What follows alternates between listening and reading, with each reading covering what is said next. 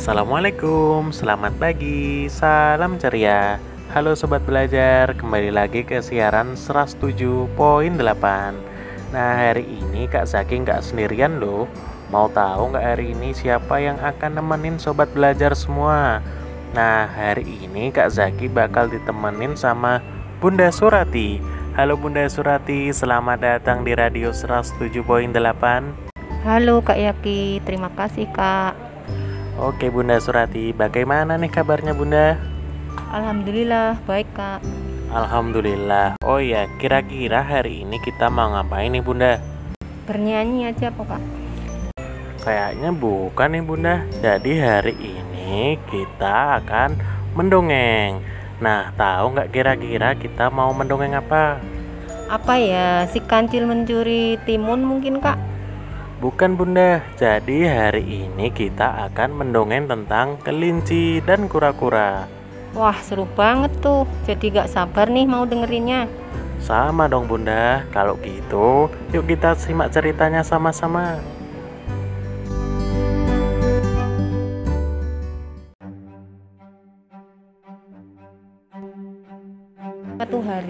sebuah hutan hiduplah seekor kelinci yang sangat sombong. Ia selalu menyombongkan diri sebagai kelinci yang paling baik. Ia selalu membanggakan kecepatan larinya karena memiliki kaki belakang yang kuat. Si kelinci selalu memperlihatkan keahliannya dalam berlari cepat kepada semua hewan di hutan tersebut. Suatu hari, kelinci sedang membual di depan para hewan yang ada di hutan dan menunjukkan betapa cepat larinya. Di saat ia berlari dan melompat di atas cangkang yang berjalan, perlahan-lahan sebuah kepala dan empat kaki muncul dari dalam cangkang tersebut.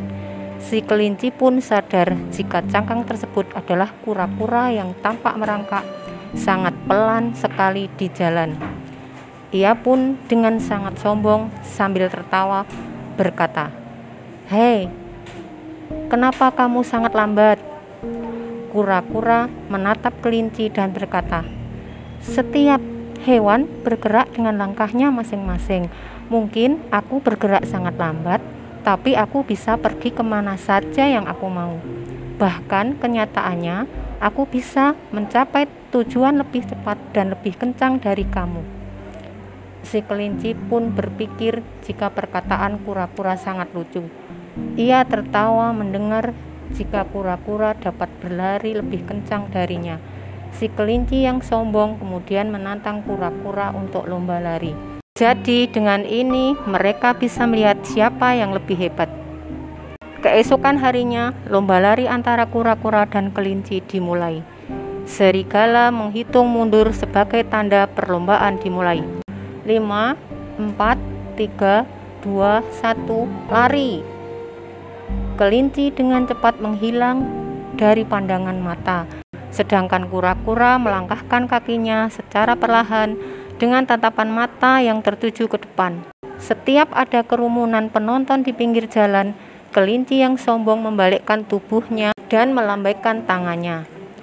Ia ingin memperlihatkan jika siapa yang paling cepat berlari.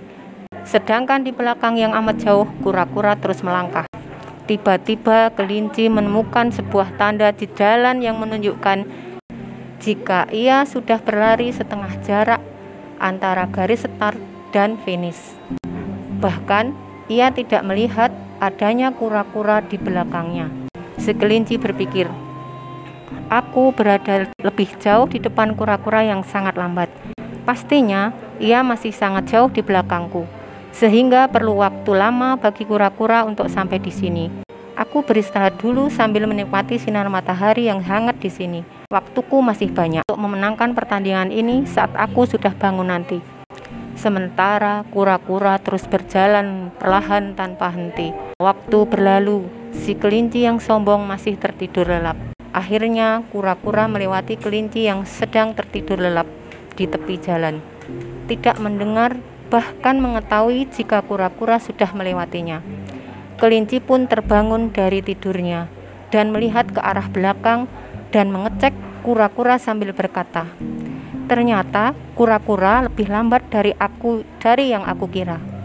Mungkin baru tengah malam ia akan tiba di garis finish."